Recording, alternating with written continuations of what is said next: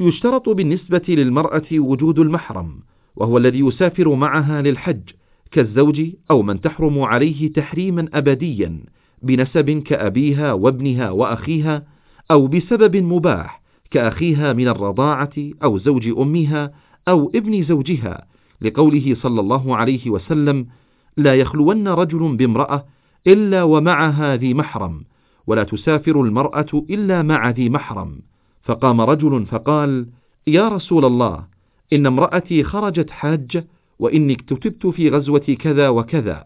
فقال صلى الله عليه وسلم انطلق فحج مع امرأتك. متفق عليه. ويشترط في المحرم توفر ثلاثة شروط الإسلام والعقل والبلوغ. لإعادة سماع الرسالة اختر زر النجمة.